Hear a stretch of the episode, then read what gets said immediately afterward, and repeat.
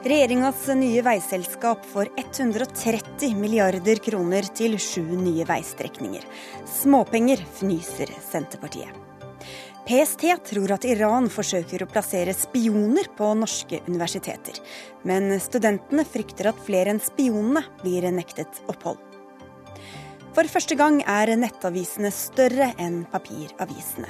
Nisjeavisene er de eneste som overlever på papir, spår medieforsker. Og elektroniske sigaretter er farligere enn vi har trodd, men Frp vil fortsatt gjøre dem lovlige.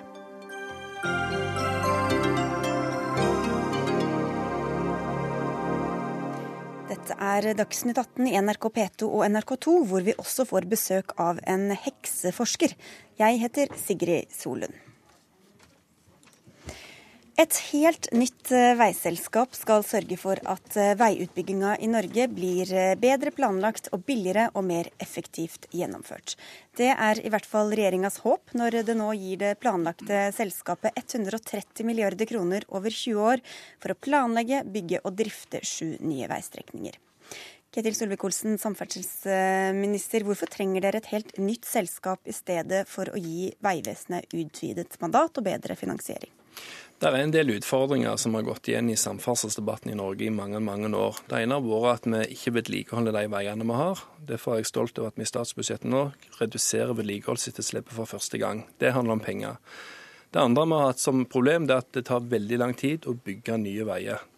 Planleggingstiden er altfor lang, en bygger stykkevis og delt, du får ikke synergieffekter, du bruker mye penger på å flytte utstyr istedenfor å bygge vei.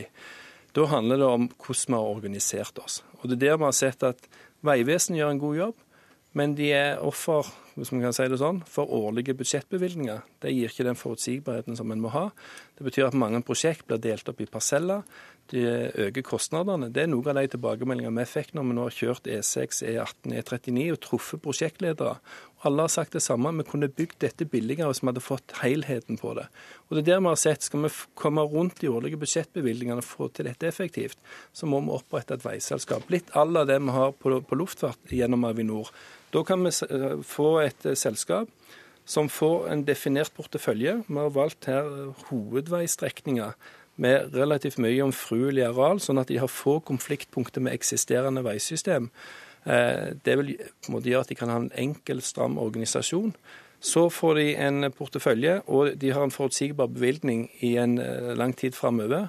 Da kan de faglig gå inn og se at dette porteføljen, hvordan kan vi gjennomføre den på en best mulig måte? De får ansvaret for planleggingsfase, prosjektering, gjennomføring og vedlikehold. For da kan de påvirke materialutforming og alt dette. Men man kan jo se for seg at det blir mer administrasjon og byråkrati med et helt nytt selskap som skal bygges opp, i stedet for at man bare lar Vegvesenet få annen, et annet mandat og den samme finansieringen som du skisserer.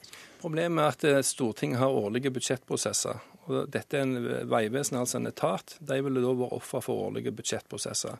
Og Det er det som gjør at selskapsformen her er det interessante.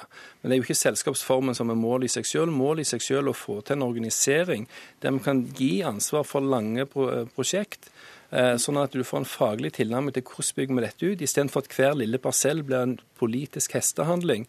Eh, der ting koster mye mer enn det det trenger. Mitt mål er jo at jeg nå om 10 år eller om 20 år kan stå og kikke tilbake og si at vet du hva, for de 132 milliarder kronene så fikk vi mye mer vei enn du ellers ville fått. Når vi reiste rundt traff prosjektleder. Vi har også invitert de inn til departementet, hatt en gjennomgang av nylig gjennomførte vei- og jernbaneprosjekt. Vi har spurt hvis dere kunne organisert dette på en annen måte nå når dere har gjennomført prosjektet, hva ville dere gjort annerledes? Og dette er òg løsningene de sier. Slå sammen parseller. Ja, det har du sagt. Ja, mer komprimert. Og det de sier at på det prosjektet kunne vi spart i hvert fall 7 På det prosjektet 15% Her kunne vi spart 20% Og i en portefølje på 130 milliarder kroner, hvis vi sparer 10% i snitt, da, så får vi altså 13 milliarder kroner mer til å vedlikeholde veiene, bygge mer eller bruke på mm. andre formål. Da må jo dette være gode nyheter, da, Geir Pollestad fra Senterpartiet? Ja, Vi deler jo ambisjonen om å bygge mest mulig vei mest mulig effektivt. Eh, men når vi har hørt utover dagen eh, fått litt mer og mer informasjon om dette, så føler jeg det er mye innpakningspapir rundt denne gaven, og lite nytt i eh, innholdet. Og vi, vi frykter at dette For det første så har vi jo sett at 130 milliarder høres veldig mye ut, men over 20 år så er det 6 milliarder i året. En god del av dette er bompenger. Når samferdselsbudsjettet er. Når, når samferdselsbudsjettet er 50 milliarder, så, så blir dette smått. Det andre er byråkratielementet i det. En skal altså ha Statens vegvesen, som har ansvar for 10 000 km riksvei, og så skal en ha veiselskapet, som har noen 100 km eh, riksvei. Vil det bli eh, bra? Eh, og så er det spørsmålet hvor mye bompenger vil her komme inn. Men ett spørsmål ønsker jeg å utfordre samferdselsministeren på, som har, vært, ja. som har vært litt uklart. For er det sånn at dette selskapet skal bli tilført 5 milliarder kroner i året? Eller skal dette selskapet kunne bygge ut disse strekningene så raskt som mulig? Og hvis en i år tre trenger 60 milliarder, så skal de bli stilt til rådighet. For Det er jo et veldig vesentlig spørsmål ja, nei, oppi dette. Kommer det 130 millioner sånn, vær så god, her kan dere disponere, disponere, som dere selv vil, eller hvordan kommer det til nei, å være? Det viktige her er jo å gi en portefølje og gi en forutsigbarhet. Det er jo nettopp det Vegvesenet mangler, der budsjettet kan gå opp på et område, det kan gå ned på et område. De siste to årene før regjeringsskiftet så ble f.eks. vedlikeholdsbevilgningene i realiteten redusert ja, år for år. Når kommer disse pengene, og i hvilken rekkefølge? Poenget er at vi må jo først definere hva er problemet. Problemet har vært stykkevis og delt, usikker for finansiering. Det er der dette selskapet kommer inn med en forutsigbar finansiering. Så vil de ha mulighet de får en, en, årlig bevilgning i statsbudsjettet. De vil ha mulighet til å dra opp en del driftskreditt. Noe av dette vil være bompengefinansiert. Som Frp-er så liker jeg det ikke, men det er likevel det flertallet har bestemt. Eh, og de kan dra på, på den gjelda. Det betyr at de vil ha en mulighet til å disponere disse ressursene. Men det er ikke sånn at de kan sette i gang alle steder år én.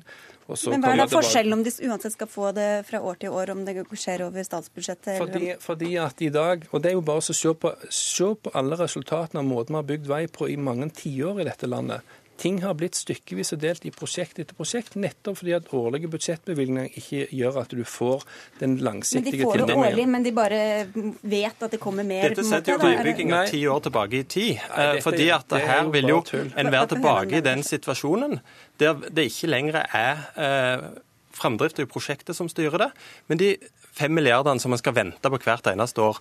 Og det er ingen tvil om at når en skal bygge ut dette, så vil en få en topp en periode. I dag har Stortinget vært opptatt av at da skal vi fylle på med penger eh, på det, sånn at det er prosjekter som styrer framdrifta.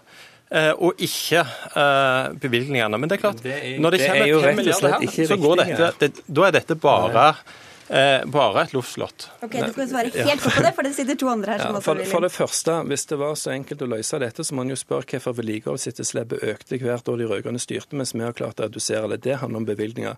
En må spørre seg hvorfor har stort sett samtlige prosjekt som de rød-grønne gjennomført, vært stykkevis og delt. Det er jo fordi dere ikke klarte å løse det. Selv om det var en vekst i bevilgningene, så var det likevel en uforutsigbarhet i dette som gjorde at en delte opp parsellene. Og det er jo nettopp det vi hørte når vi besøkte E18. De holdt på med parsell nummer seks. og de de sa vi har masse overskudd, vi skulle gjerne brukt det på parsell nummer sju, men vi har ikke fått ansvaret der ennå. Det er ikke blitt vedtatt. Okay, Nå sier vi hele... Jeg ba deg svare litt kort, fordi vi har to andre, så vi må også få slippe, til dem. Og det er bl.a. Inger Elisabeth Sagedal, du er kommunikasjonssjef i NAF, og du kaller dette et historisk taktskifte, og er for så vidt fornøyd. Eh, men hva er det dere savner i finansieringa, som er det vi snakker om akkurat nå? Altså, vi er opptatt av å være begeistra i dag på vegne av våre medlemmer og norske trafikanter. Det er et systemskifte, det er et taktskifte, ja, det og det må vi ha. Ja. Og det eh, endelig er det kommet. Vi har ventet på det lenge. Vi la fram vår, vår, løsning i januar i fjor. Da var samferdselsministeren og flere andre fra opposisjonen til stede. Vi opplever at det har skjedd en stille revolusjon på Stortinget, og vi skjønner at opposisjonen har behov for å være kritiske. Men så kan vi begynne å stille hvor er, Vi ville hatt en fondsløsning og en veibank. Vi tror kanskje det kommer etter hvert. Eh, dette handler om å løfte samferdsel ut av de årlige bindingene i statsbudsjettet. Gi fagfolk mulighet til å planlegge langsiktig, slik at politikerne kan jobbe med å prioritere samferdsel opp mot andre områder, framfor å prioritere ett samferdselsprosjekt opp mot et annet. Diskusjonen blir mer langsiktig, helhetlig, og det blir nasjonsbygging framfor å sende hilsener hjem og jobbe med de små fortausdetaljene. Men til det som gjelder finansieringa som vi var inne på nå, er, er du fornøyd med det som Solvik-Olsen ser for seg? Vi er fornøyd fordi det er en nytenkning. Det er nå en start på eh, en måte å jobbe med samferdsel på som handler om å se bort ifra de årlige budsjetteringene. Mm. Og så sier vi at vi vil eh, på sikt så håper vi at det kan bli mer selvfinansierende med fondsløsning. Vi er jo spent på hva som kommer med årsavgift og andre mulige finansieringsmåter. Vi mener jo at på sikt så kan vi klare oss uten bompenger òg. For dette er en modell som vi skisserte, som, som lever på, uten bompengesystemet. Men det kommer jo også en bompengereform, og vi er spent på den. Så begeistring fra NAF. Hvordan står det til hos dere i Transportøkonomisk institutt, der du er direktør, Gunnar Lindberg? Ja, Det jo et spennende forslag, et veiselskap. Men først må man si at det er et stort mistroende mot det norske politiske systemet. At bygge helheter gjør man jo i mange andre land, og det fungerer innom et politisk system. Så ok, det er ok å flytte over til et veiselskap, men det er et mistroende. Har vi vel et veiselskap, så eh, tror jeg at det kommer å fungere. Det skal kunne fungere. Det har betonet som politisk hold at det er samfunnsøkonomisk lønnsomme prosjekt som veiselskapet skal, skal, holde på med å bygge. Og Da er det viktig også å slippe frihetsgrader til et veiselskap. Å designe prosjektene, å velge prosjektene så at de er samfunnsøkonomisk lønnsomme. Men nå har de fått dem tildelt. Hva syns du om det, da? Ja, altså det skulle man väl vilja utveckla framöver. Va? Jag är inte så säker på att det är de bästa projekten som ligger här. Vi har inte sett så mycket av det än. Det fanns på en presskonferens några bilder av, på en kart vilka projekt det är. Va? Men håller man sig till de samfunnsøkonomisk lönsamma projekten, om man vidmakthåller det hele tiden, så, så är det ju en god idé. Mm. Ja, altså, en kan godt mene at det burde vært bevilget mer penger til vei. Frp har ønska det lenge. En kan godt mene det bør bevilges for mye. Det er noen av kritikken vi òg har fått. Men det viktige her det handler om hvordan vi organiserer det.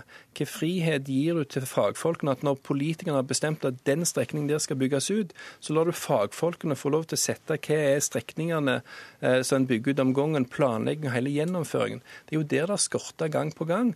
Og at Senterpartiet er uenig i det vi foreslår, ja det var de når de satt i regjering òg. Det ble ikke gjort noen reformer. Vi mener at all erfaring fra de siste tiårene, uavhengig av regjering, viser at vi har ikke organisert oss godt nok. Vi kan ikke stole på politikerne til å prioritere nei, altså, det? Vi, vi, har ikke gjort det på riktig måte i Norge, min påstand. Den andre grunnen til at jeg mener dette er riktig, er at jeg var nylig i Sveits og diskuterte jernbaneorganisering. Sveits er et av de beste landene når det har punktlig god jernbaneutbygging. Og hva har de gjort? De har gjort akkurat det samme. De finansierer jernbanen gjennom en fond. De sier så mye skal vi bygge ut på de strekningene. Der er pengene. Fagfolkene gjør jobben. Men kom ikke til oss og klag på overskridelse at dere har lovt for mye. Vi har en avtale i bånn. Men dere er redd for uklare ansvarsforhold også, Pollestad? Jo, for det at vi har et eh, veiprosjekt f.eks. langs Mjøsa som er bygd ut, svært prosjekt, har gått eh, kjemperaskt. Norgesrekord i veibygging. Nå er det altså sånn at samferdselsministeren kunne ha gitt deg beskjed om bygg videre nordover, planene er klar. Men nå skal en stoppe opp, og så skal en lage et nytt selskap som da skal ta seg av den eh, utbyggingen. Fordi at eh, Det er ikke sånn at du må etablere et selskap Eh, for å planlegge raskere, bygge raskere. Det er de samme entreprenørene som eh, bygger. Og du vil også i driftsfasen få at noen har vedlikeholdsansvar på denne veien, som er Statens vegvesen. Veiselskapet har én bit, og så kanskje, kanskje et OPS-prosjekt eh, videre. Det vil skape uklarhet. Men det som opprører meg mest, er at det er kun, at det er kun 5 milliarder i uh, året. Og da vil du være tilbake til denne Men bare få høre med Lindberg, som er måte, fag, fagpersonen her også. Om, er, er, du enig i det? Som, som at man kan bygge like, like hurtig si, i, i en etat? Ja, det kan man gjøre. Det, det skjer i alla andra, eller mange andre länder også, utan et veiselskap. Det, det, går. Og så er det disse med pengene. Er dere fornøyde i den summen som er satt av fra Vi har ikke hengt oss så mye opp i penger i dag. Og jeg henger meg litt opp i det TØI kom med, at det er mistillit til norske politikere. Jeg tenker at det tvert imot er tillit til at norske politikere skal gjøre det som er viktig. Føringene ligger jo i Nasjonal transportplan. Og det at det skal være et styrende verktøy. Jeg håper det. Vi har stilt noen spørsmål med det i dag. Men at vi har større tiltro til norske politikere i å skissere de lange linjer, bygge landet, tenke helhetlig. Og så er det opp til fagfolk å diskutere detaljene og gjøre de gode valgene. Jeg mener at dette ikke er mistillit til norske politikere. Vi har en, hatt en modell i flere tiår i Norge som vi ser ved å kjøre på norske veier. Og de fleste trafikanter er enige om at det er stykkevis og delt, lite helhetlig tenkning. Og nå er vi endelig der. Vi har mulighet til å tenke sånn som svenskene har vært flinkere til. Sånn som Østerrike har skjønt for lenge siden. Vi har jo kikka på andre land, og hva er det med norsk politikk? Det er jo ikke mangel på penger som er problemet, det er jo systemendringer vi trenger. og det dette er, det er historisk, for i dag er vi i gang med noe nytt. Og nå får du masse ros her, men Pollestad var jo også engstelig for at det summa summarum ikke blei så veldig mange milliarder sånn Nei, men, men, de har òg vært imot dette mens de satt i regjering og stemte imot hver gang vi fremma forslag om det. Eh, nå er jeg glad for at de fire partiene som da var i opposisjon, er blitt enige og får til dette. Men altså, i Østerrike så har de et veiselskap. I mange land så har de dette. Og for oss så handler dette om at når vi reiser rundt og vi møter så mye folk i Vegvesen som sjøl river seg i håret over måten prosjektene deres blir satt opp på fordi at årlige budsjett og alt dette, så vi dette må vi løse. Vi kan ikke, vi kan ikke bare sitte, jo, men vi kan ikke bare sitte og late som dette ikke er et problem, sånn som Geir Pollestad gjør. Vi må sørge for at vi løser det. og Da sier vi at veiselskapet vil funke på en del strekninger. Eh, OPS vil vi ha på en del andre steder. Og så har vi Vegvesenet, som fortsatt er den store aktøren på norsk veibygging. Hvis en har behov for 15 milliarder kroner et år, så får en fem, eh, kan supplere noe med bompenger, og så er en tilbake i akkurat den situasjonen som en var for ti år siden. Det viktigste for å bygge mer vei er å bygge effektivt, bruke samarbeid med entreprenørene og bevilge nok penger. En må ikke lage en haug med konstruksjoner oppå som splitter fagmiljø og bidrar til mer byråkrati. og det er det vi er imot. Lindberg ja, siste, siste ordet her. Vi er imot byråkrati. Ja, det finns ju exempel på, på, på veiselskap, Österrike, Asfinag. Många av de sällskapen har ju intäkter och det, det, det haltar ju lite här i förhållande till Avenor. Va? Där har du kunder, kunder som må betala, kunder som styr vad som är goda projekt og ikke. Men her er staten kunde med en forutsigbar kontrakt. Jo, men det er samme stat som har planert tidligere. jo, men, men det, det er langsiktige avtale som er forskjellen her, som Senterpartiet ikke vil tegne seg. Å, da må vi runde av. Takk skal dere ha alle fire for at dere kom. Ketil Solvik-Olsen, Gunnar Lindberg, Geir Pollestad og Inger Elisabeth Sagdal. Dagsnytt 18 alle hverdager klokka 18. På NRK P2 og NRK2.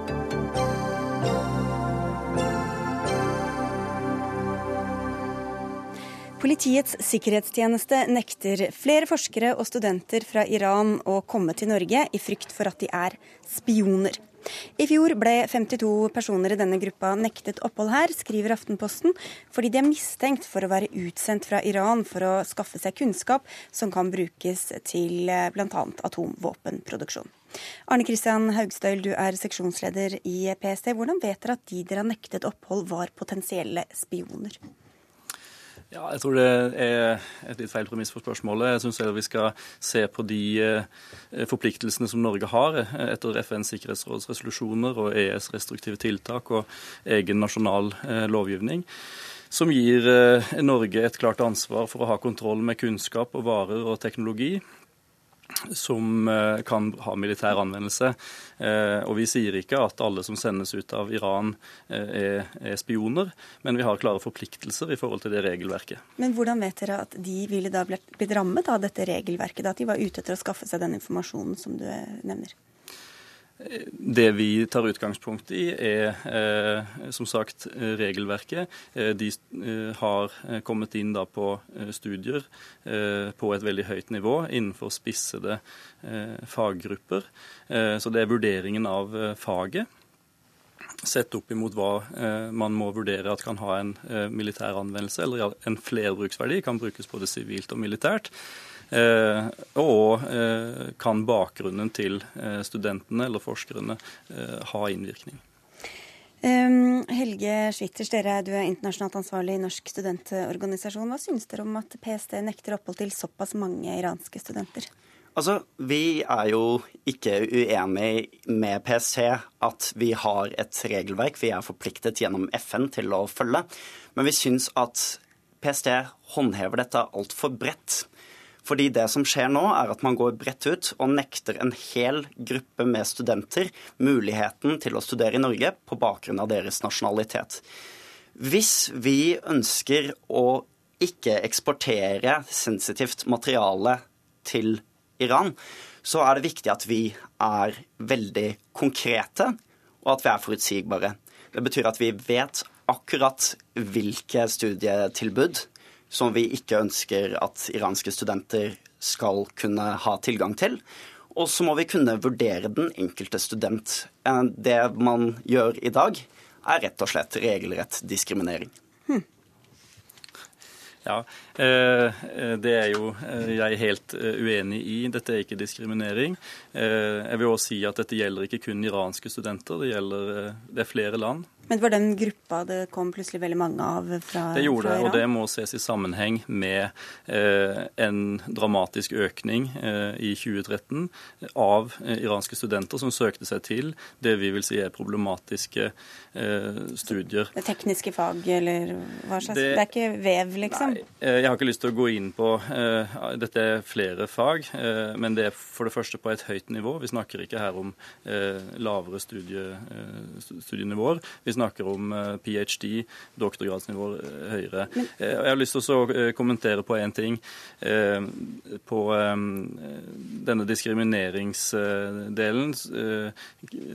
Der har vi individuell vurdering av hver enkelt. Dette er ikke én gruppe som, som nektes opphold. Eh, men jeg er enig på et område. Det er at eh, undervisningsinstitusjonene eh, har et helt klart selvstendig ansvar. Og vi ønsker òg at man skal bli ganske konkrete her. At de vurderer sine studier, og at det er en forutsigbarhet på hva man kan slippe studentene inn på. Hva viser erfaringene om hvor mye de lytter til utdanningsinstitusjonene selv, da, om hva de sier om studiene? Det vi har fått tilbakemelding fra en del utdanningsinstitusjoner på, er jo at de stiller seg eh, spørrende til hvordan PST kommer til å reagere og ikke. Eh, I et par av disse sakene på NTNU så har jo fagmiljøene aktivt gått ut og sagt at vi ser ikke koblinga mellom dette studiet her og våpenproduksjon i Iran.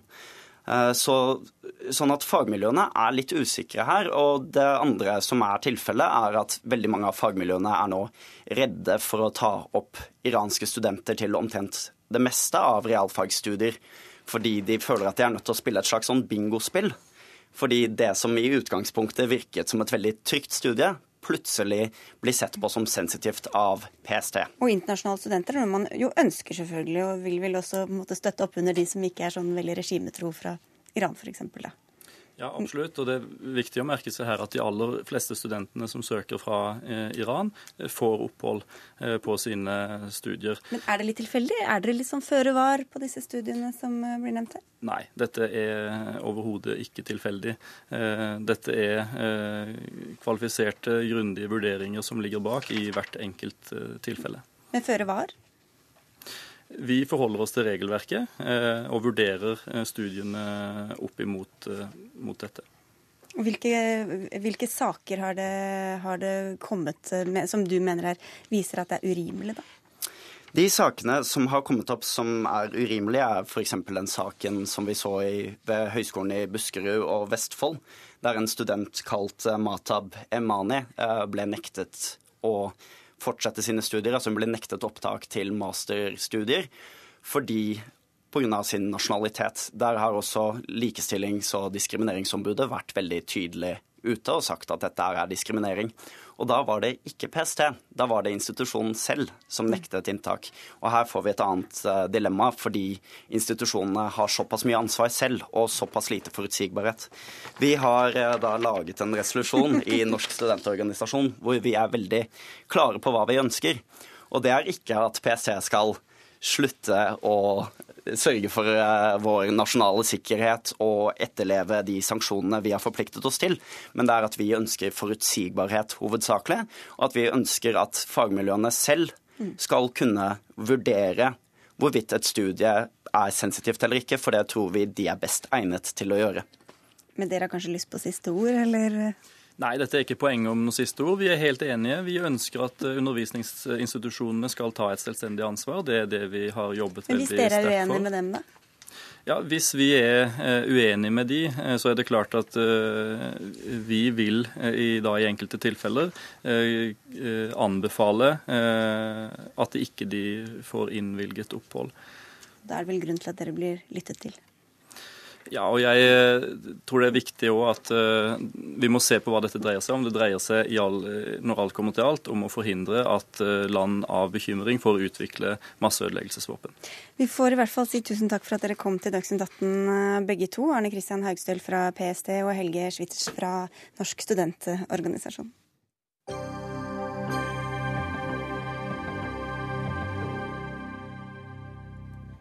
Mens alle danske kvinner fritt kan velge om de vil sjekke fosteret for sykdommer og avvik, er det en rett som er forbeholdt gravide over 38 år og andre risikogrupper her i Norge.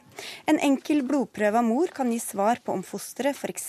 har Downs syndrom, og nå har et norsk sykehus, Universitetssykehuset i Nord-Norge, søkt om tillatelse til å starte en slik testing. Og det anbefaler dere at de skal få, leder av Bioteknologirådet, Kristin Halvorsen. Hvorfor det? Jeg tror jeg vi må rydde litt grann i i, problemstillingen her. fordi at Én ting er hva slags metoder man bruker for å teste.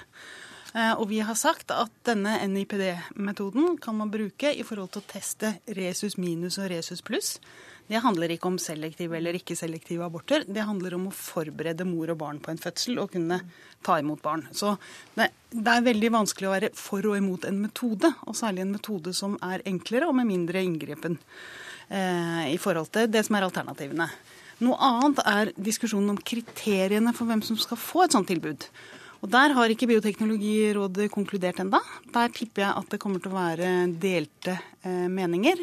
Og da handler det om hvilke kvinner er det, og hva skal vi teste for. Eh, I dag er det slik at man kan få en, eh, et tilbud om fosterdiagnostikk hvis man er over 38 år. Eh, hvis man selv Altså hvis man har eh, risiko for å være eh, bærer av alvorlig sykdom, som barna kan få. Eller hvis man selv har fått alvorlig funksjonshemma barn tidligere. Men det er ikke fritt fram for den typen testing. Det er klart Når det blir mye enklere å ta en sånn prøve, du kan ta en blodprøve av mor og finne ut egenskaper ved fosteret gjennom mors blodprøve og du kan gjøre det før retten til selvbestemt abort har gått ut. Da er vi inne i noen etiske dilemmaer. Ja, for i dag så er det da de som er i denne gruppa som du nevner, de må få det gjennom uh, ultralyd av barnet og, uh, og en ja, fostervannsprøve. Den metoden som man bruker i dag, det er for så vidt en blodprøve, men det er ikke en DNA-blodprøve. Men man kan si, se om det er en risiko for f.eks. Downs syndrom. Eh, og så kan man gå inn og ta en fostervannsprøve eller en prøve av morkake for å endelig eh, fastslå det. Mm. Men da er man langt ut over tolvte uke. Så da snakker vi i tilfelle om Hvis det resulterer i at man konkluderer med at det skal tas en abort, så er det i tilfelle en seinabort. Og det er klart at Sånn sett er jo en metode som du kan gjøre enkelt, uten risiko for spontanabort, som jo en fostervannsprøve har en liten risiko for.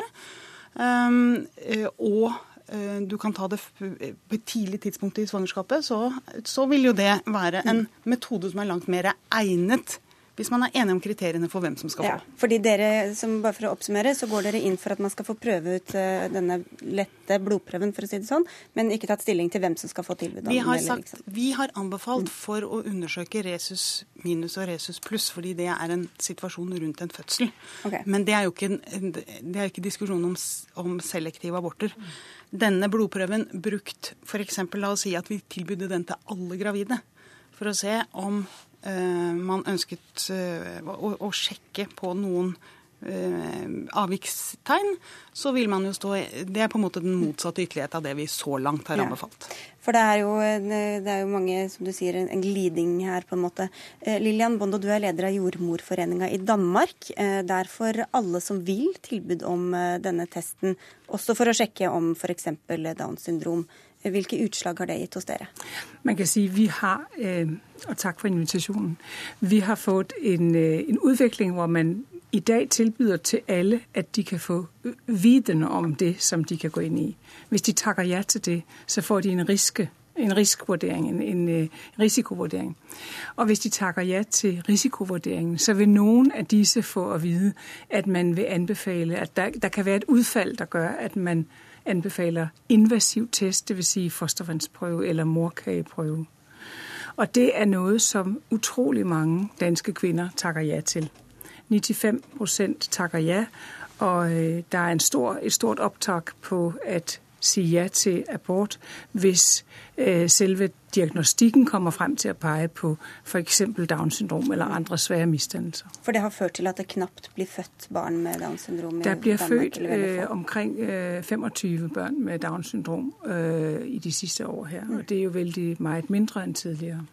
Ola Bollestad, du er helsepolitisk talsperson i Kristelig Folkeparti, og dere er imot denne testen. Jeg vet ikke om dere også er imot det som Kristin Halvorsen øh, foreslår?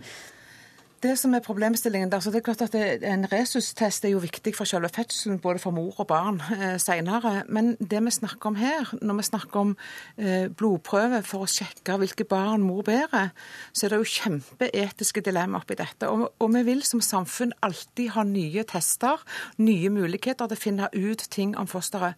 Spørsmålet til KrF, og som jeg er opptatt av, det er er det det samfunnet vi vil ha. Vil vi som Danmark redusere redusere sterkt antall med Downs syndrom. Og det sier jeg ikke for å idealisere det å få et barn med Downs syndrom.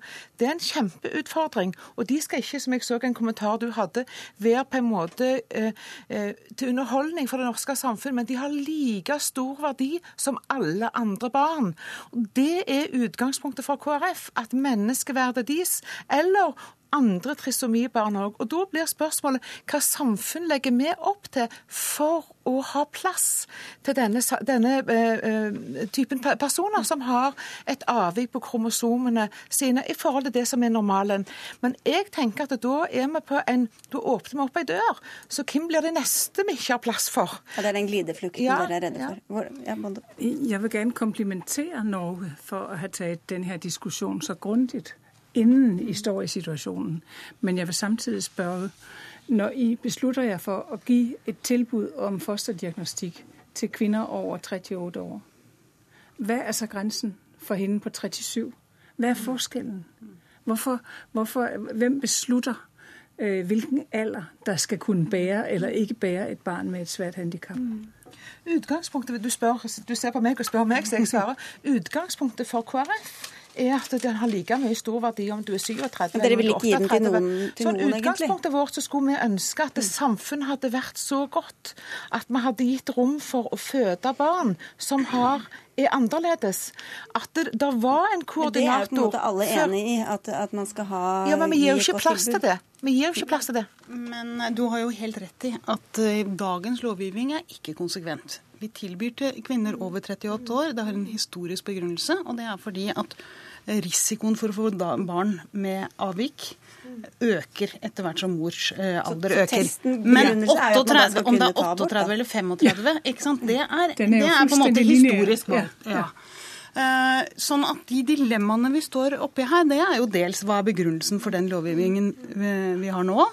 Eh, på den ene, eh, si, den ene ytterligheten vil jo være at man rutinemessig tar en blodprøve av alle gravide tidlig i svangerskapet og kan få alle opplysninger eh, opp, eller flere og flere opplysninger opp. I Norge har vi ikke lov å gi opplysninger f.eks. om hvilket kjønn barnet har før øh, fristen for selvbestemt abort øh, har gått ut, fordi vi ikke ønsker at man skal kunne velge bort et kjønn. Det er heller ikke lov å velge farskap, eller undersøke for farskap. Men det er klart at et, et samfunn som systematisk tvinger gravide inn i en rutinesjekk for å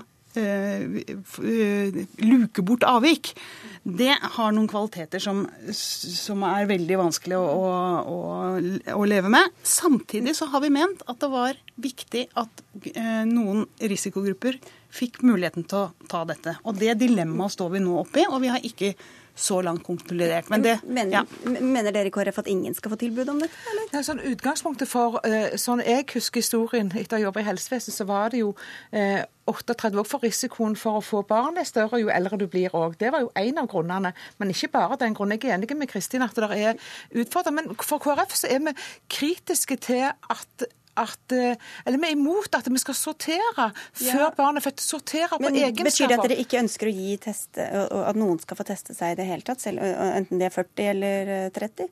Vi har, jo, vi, har jo, altså vi har, jo, den loven vi har i dag, og utgangspunktet vårt er at vi skulle hatt plass for å fø, ja, føde barn. Men dere ønsker ikke egen, Hvis dere kunne velge, så hadde dere ikke hatt den testingen? Nei, fordi at vi, vi, ser det kunstige skillet som, som uh, hun fra Danmark sier, at vi har et kunstig skille i dag. Men er du, er du bekymret over den utviklingen dere har hatt i Danmark? Syns du det er en god utvikling?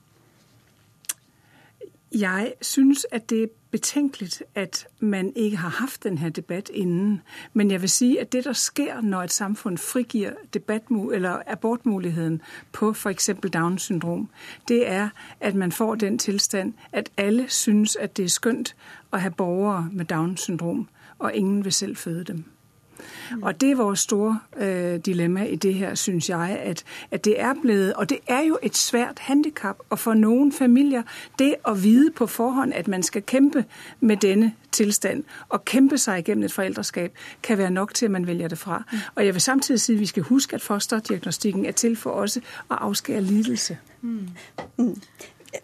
Eh, jeg har bare lyst til å si at metoden her, altså en blodprøve av mor, gjør jo at selv om vi lager retningslinjer for hva vi mener skal tilbys i, i, Norge til norske gravide som en del av vårt helsetilbud, så vil det være ganske enkelt etter hvert å kunne sende den blodprøven et eh, annet sted, eller ta den utenlands og få det svaret likevel. Så jeg tror veldig mye av debatten rundt det er viktig eh, i seg sjøl, for man må tenke igjennom hva man egentlig eh, tester for. Og dere skal, vi, ja, og dere skal videre og, ta, og debattere dette videre i kveld. Nå. Tusen takk for at dere også kom til Dagsnytt 18 og tok den her. Takk. Hør Dagsnytt 18 når du vil. Radio nrk.no.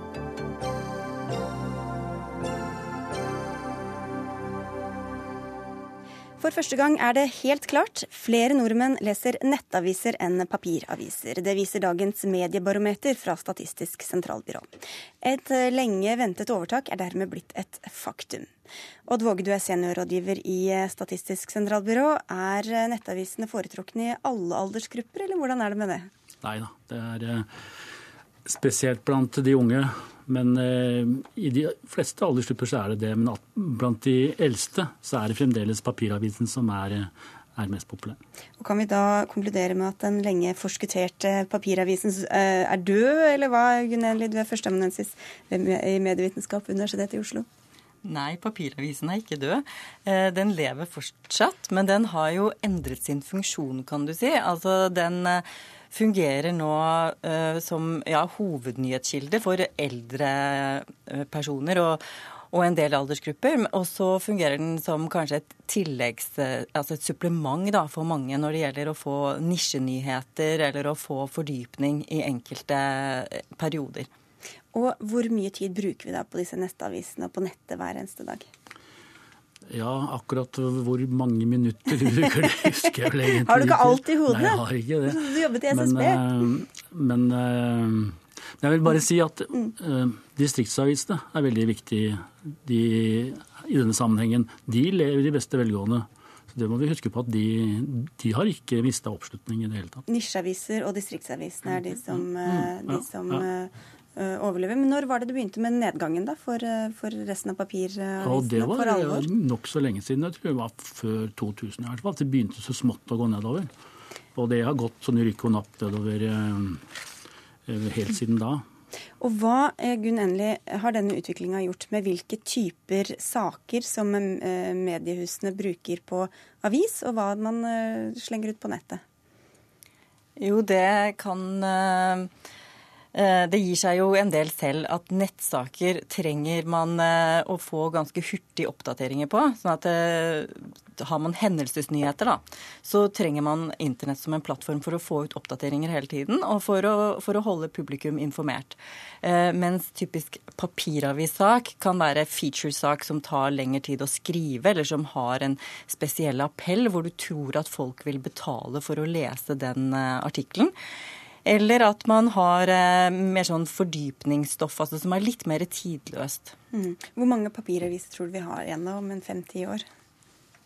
Altså antall utgivelser, eh, det kan være 10-15 aviser. altså Det vil jo avhenge av, men sånn som det ble sagt her, så er jo lokalaviser en stor faktor. Og å telle antall papiraviser eh, i, i distriktene kan være litt vanskelig. Mm.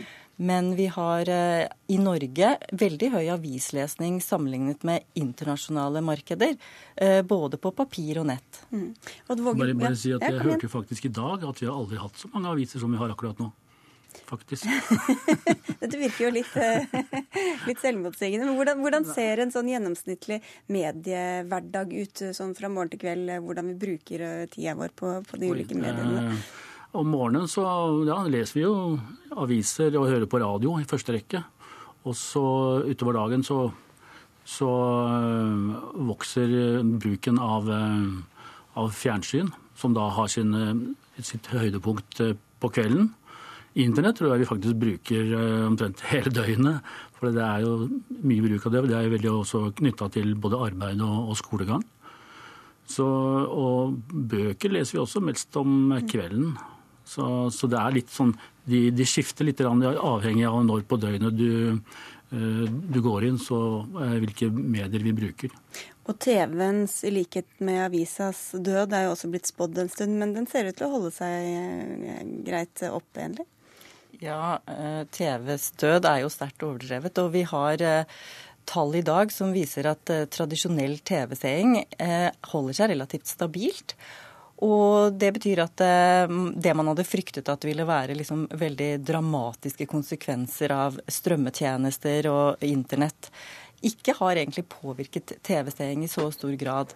Eh, men når det er sagt, så gjelder det ikke hele befolkningen. For når det gjelder de aller yngste, så er det mindre tradisjonell TV-seing og mm. mer strømmetjenester type Netflix. Men ser de på også hva skal vi si, tradisjonell TV på nettet? Det er det noe av, men ikke så veldig mye. Nei. Hva ble, mest, hva ble, du mest overrasket over eh, da du så det jeg syns kanskje er det mest interessante, er at folk nå i større grad hører på radio. Det er jo veldig bra. Ja, det, det er veldig Det er ingen grunn til å ikke gjøre det. Ja, Der er det også unge som, som kommer inn og i større grad hører på radio. Mm. Vi får bare be dem om å fortsette med det, egentlig, da, eller? Jeg tror ikke vi behøver be dem om det engang. Nei, bare gjør det. Ja, men dere, Tusen takk skal dere ha for at dere kom til Dagsnytt 18. Odd Våge fra SSB og Gunn Enli fra Universitetet i Oslo. Ved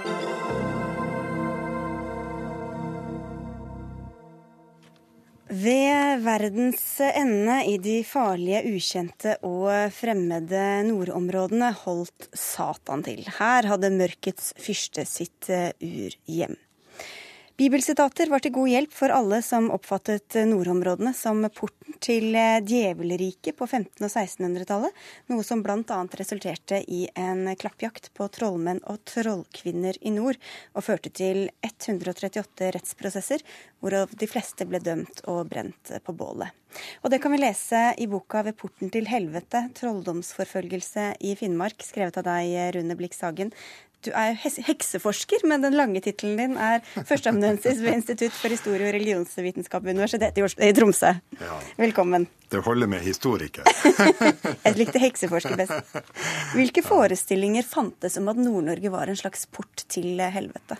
Ja, altså Jeg åpna jo, som du er inne på, jeg åpna jo denne boka med sitat fra Den hellige skrift. og Det er på en måte der det kommer ifra. Men dette her ble jo aktualisert i en periode hvor folk virkelig trodde på dommedag, og at Satan var ute for å verve rekrutter. og Det skjer altså på 1500- og 1600-tallet. og vi har jo, eh, altså Dette her er jo lært heksetro over hele Europa. Ved de eh, fremste europeiske universitetene så hevder man hardnakka at eh, det meste av jævelskap kom nordfra, sågar med nordavinden.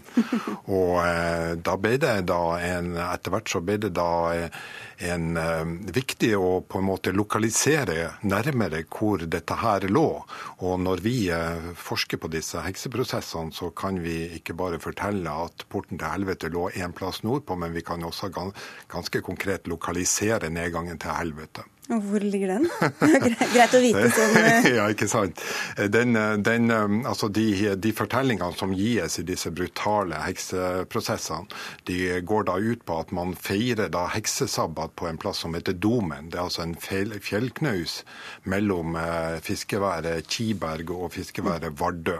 Og eh, i de samme fortellingene så uh, fortelles det at man går ned til helvete i et stort hull som befinner seg der, med Satan som guide.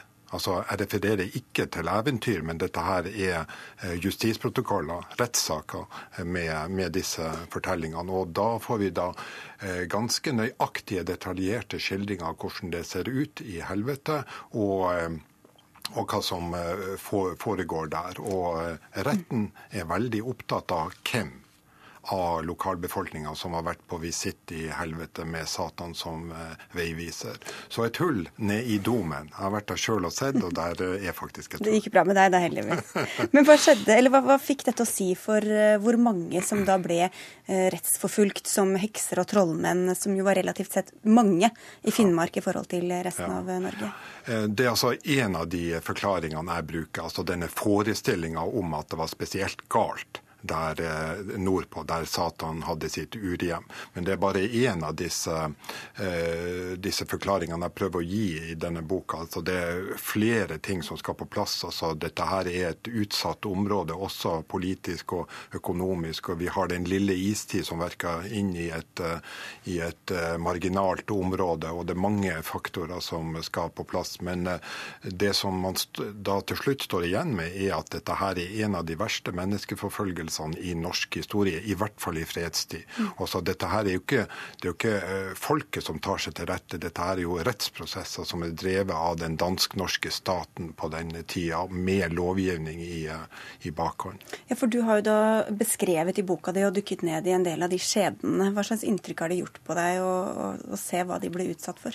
Ja, Det er mange inntrykk. Kanskje først og fremst så står man jo igjen med et uh, inntrykk av at dette er grusomme og tragiske historier. Noen ganger er det rett og slett vanskelig å lese fordi at eh, konkrete beskrivelser av tortur eh, forekommer også i disse protokollene. Og vi kan jo ta med at enkelte av disse kvinneskjebnene de er jo torturert såpass hardt at de dør før endelig domsavsigelse. Så, så det, det, tar på å lese noe av dette her. Så man må jo forklare mange av disse fantastiske fortellingene med både fysisk og psykisk press, pressmidler. Man kommer ikke utenom om, om, det. Ja, for Det som er litt spesielt eh, når vi leser om det, er jo at de selv også eh, innrømmer riktignok noen ganger etter som du sier, tortur eller har blitt tatt den såkalte vanntesten, at de blir kastet på et nokså iskaldt eh, hav. Men også utenom det så, så innrømmer de jo hatt omgang med Satan og vært på heksefester og danset med djevelen og omdannet seg til en dyr osv. Hvor, hvor kommer dette fra? Ja, altså Det er jo et samspill mellom lærd eh, trolldomslære og folkelig trolldomstro og folkelig tro som sådan, folkelig religiøs tro. Altså det, er jo, det er jo mange som da eh, prøver å gi svar på de spørsmålene som retten stiller, med å gripe tilbake til eh, hverdagslige eh, gjøremål, hverdagslige konflikter og trosformer og lignende. Så dette er et veldig rikt materiale. altså Klarer man å skrelle vekk dette her med tortur og sånn, så kan man gå ganske dypt ned i, eh, i, mentalitet og til eh, den troen som folk, folk, hadde. Så dette er et unikt materiale. Det som gjør det spennende å forske på trolldomsprosessene i nord, det er nettopp det at vi har så rikholdige kilder. Det beste av sitt slag i hele Norge. Men det er også litt spesielt at de som var myndighetene, i motsetning til folk, skriver du, brydde seg ikke om det var god magi eller ond magi, for å si det sånn. Det er, kjempe, det er et kjempeviktig poeng. altså Den helbredende hvite magien er også kriminalisert. Altså eh, tanken eller den lærde, den lærde eh, retninga går jo ut på at alt kommer fra Satan. Altså vi har Blant oss er det ingen spesielle mennesker med iboende eh, magiske egenskaper. Alt kommer utenifra, tilført fra Satan. Dermed var også den helbredende hvite magien kriminalisert. Og så, etter noen ganske grusomme år, så gikk det mot slutten, og da er det spesielt én som du har vært opptatt av å hedre litt for det? Ja, det er viktig for meg å vise i denne boka, som er en tragisk uh, historie om menneskeforfølgelse, å vise at det er en vei ut av dette hysteriet. Så jeg har da tatt fram en lagmann, altså ankeinstansen i dette rettshierarkiet, sånn som det for så vidt er i dag også. En lagmann som viser vei ut. Har det ikke vært for lagmann Mandrup Skjønnebøl, så hadde disse grusomme voldsomme hekse- og dystre, dystre heksetallene fra Finnmark sett enda verre ut. Han eh, er faktisk oppe i disse kystværene i Finnmark og frikjenner eh, flere, flere, kvinner og også eh, en del barn. Hadde det ikke vært for Mandu Kjønnebøl, så ville vi også hatt brenning av barn i disse hekseprosessene, og det har vi heldigvis ikke. Men vi trenger ikke å gå lenger enn til Sverige for å finne barnehekser. Selv om det var ikke nødvendigvis omsorg, men mer sånn prinsipprytteri som, eh, som eh, Ja, jeg, jeg, jeg, prøver også å få fram at det er litt humanisme hos ham. Altså. Tusen takk skal du ha for at du kom, eh, kom hit til, til Dagsnytt 18 og fortalte om dette, Rune Blikshagen. Takk.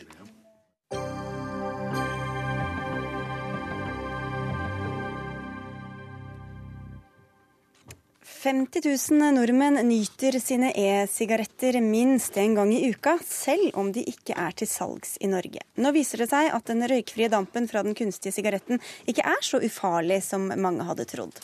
Dampen inneholder nikotin som blir tatt opp av andre i omgivelsene rundt. Altså fører også denne sigaretten til helseskadelig passiv røyking. Og dette gjorde litt inntrykk på deg, Camilla Stoltenberg. Du er direktør ved Folkehelseinstituttet og var den som la fram rapporten i dag. Ja, det gjorde inntrykk. Eh, men jeg vil samtidig si at det er helt klart at e-sigaretter er mindre farlige enn vanlige sigaretter. Og at passiv røyking av e-sigaretter er mindre farlig enn passiv røyking av vanlige sigaretter. Så vi snakker om en lav risiko, men det er ikke risikofritt. Fordi man kan altså få i seg samme nivåer av nikotin eh, som eh, det som den som røyker e-sigaretten får i seg. Men når vi har hørt om andre sigaretter, så er det vel tjære og andre stoffer som vi har lært at det er farligere enn selve nikotinen, eh, hvis jeg husker rett. Hva er det mm. nikotinen gjør eh, for både da den som inhalerer og de som sitter rundt? Altså, det aller viktigste med nikotin er at det er avhengighetsskapende. Og eh, det betyr jo at den som da røyker e-sigaretter, vil gjerne legge seg på et nivå som får et røyksug, og vil røyke mye. Det betyr også at ikke bare nikotin i seg selv, men de andre stoffene kan få konsekvenser over tid som vi ikke er i stand til å si noe om i dag. De andre sidene ved nikotin eh, det er at det eh, gir økt risiko for høy puls og eh, høyt blodtrykk, sånn at det kan være farlig for de som har hjerte-karsykdom.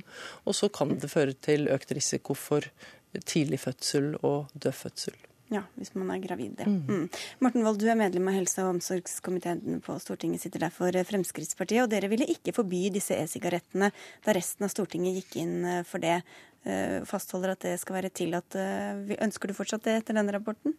Ja, det gjør vi. fordi nettopp som Stoltenberg her sier, så er det ingen tvil om at e-sigaretter er folkehel folkehelsemessig mye bedre enn vanlige sigaretter. Eh, det at man slipper å få i seg tjære, er jo en stor fordel. Og vi vet at veldig mange eh, bruker e-sigaretter som et tiltak for å slutte med vanlige sigaretter. Eh, problemet her nå er jo at markedet er helt uregulert. Det er i dag forbud mot e-sigaretter med nikotin i Norge.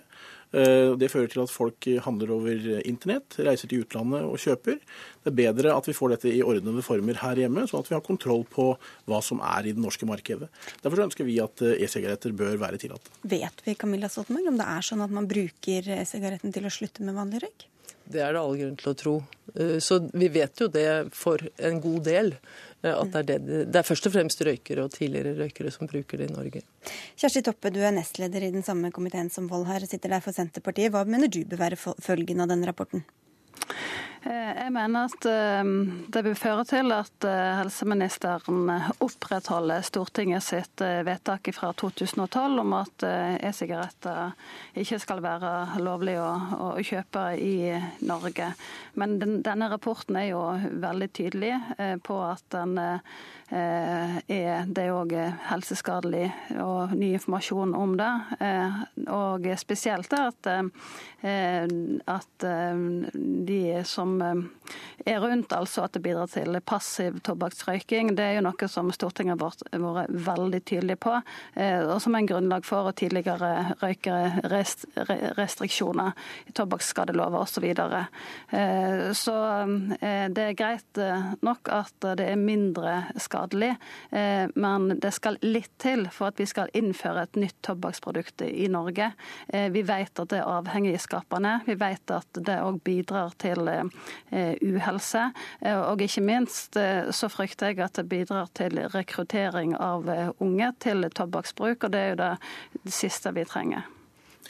Ja, dette er eh, litt sånn typisk eh, Kjersti Toppe når vi kommer til spørsmål som handler om, om dette her. Og, og, resten av Stortinget, er unntatt Frp. jo, men, eh, men altså, Kjersti Toppe ønsker bestandig å ha på seg både belte og bukseseler på en gang. Hun, er, hun, ønsker stort sett forbud, og det er alltid sånn at forbud er svaret, men hva er spørsmålet? Altså, vil, vil Toppe da også forby sigaretter, som, altså tobakk, som faktisk er mer helseskadelig?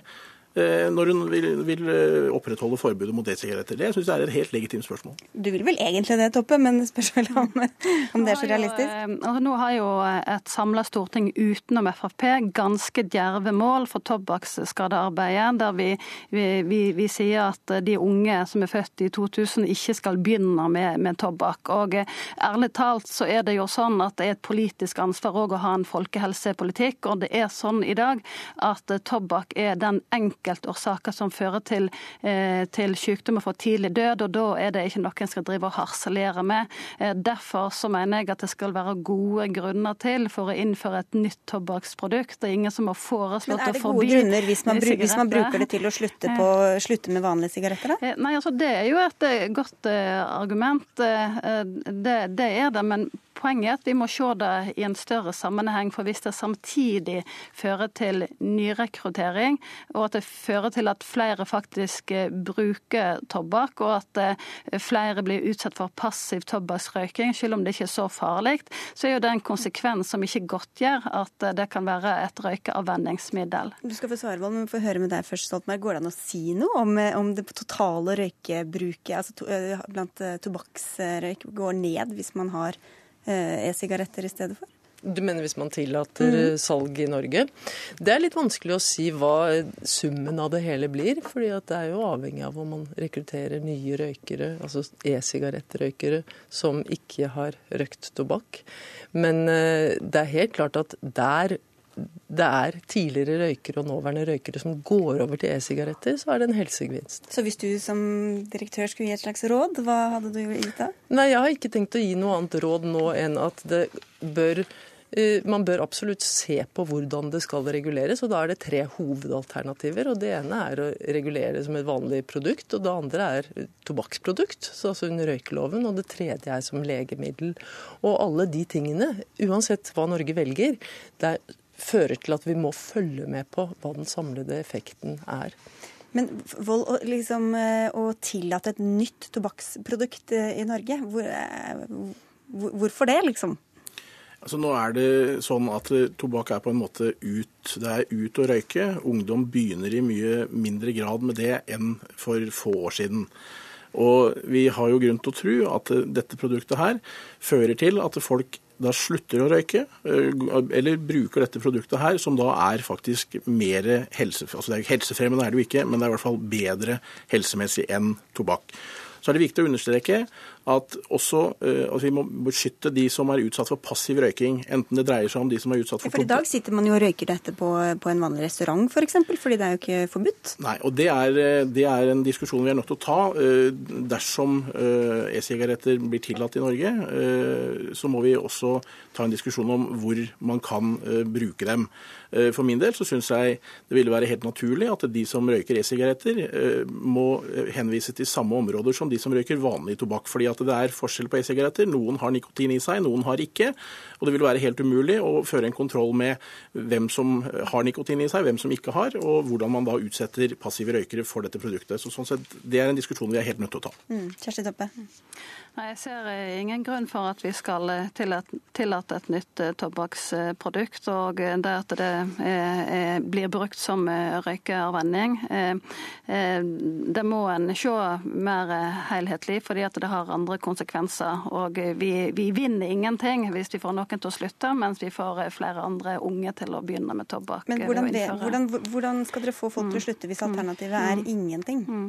Altså, det finnes jo andre middel for å og, og medikament for tobakksavvenning. Og det som er problematisk med dette, hvis du tenker på å få dette her på blå resept, så er jo det at det er ganske synlig i forhold til f.eks. nikotintyggegummi. Det er synlig, og det vil gi konsekvenser for omgivelsen med passiv tobakksrøyking. og det kan òg gi en signaleffekt. Så det, det, er mange problematiske ting med å ha dette her på blå resept òg. Men jeg oppfatter jo ikke at Frp eller Høyre-representanter som har ivret for dette her, at det er det de ser for seg, men at de ønsker å innføre det. Og jeg mener at Stortingets vedtak fra 2012 var veldig fornuftig og klokt. Mm. Altså, eh, spørsmålet om innføre det eller ikke. Eh, men det er jo sånn i dag Toppe, at eh, nordmenn reiser til utlandet, handler produktene, tar dem med hjem, handler over internett. Det går ikke an å stenge denne verden ute. Uansett om vi tillater Vi tillater alt som er tillatt i andre land? Nei, det kan vi ikke. Men dette produktet her vil føre til at flere slutter å røyke, og det er positivt. Ungdom vil sannsynligvis ikke begynne å røyke som en følge av dette her, fordi det er ikke kult å røyke når man er ung. Vi får se hva Bent Høie ender opp med. Kjersti Toppe, tida vår er dessverre ute. Vi inviterte ham i dag. Han hadde ikke mulighet til å komme, men vi får si tusen takk til dere tre for at dere kom. Kjersti Toppe fra Senterpartiet, Camilla Stoltenberg fra Folkehelseinstituttet og Morten Wold fra Fremskrittspartiet. Dagsnytt 18 er tilbake i morgen. Ansvarlig for dagens sending var Alf Hartken, teknisk ansvarlig Lisbeth Sellereite og i studio Sigrid Solund.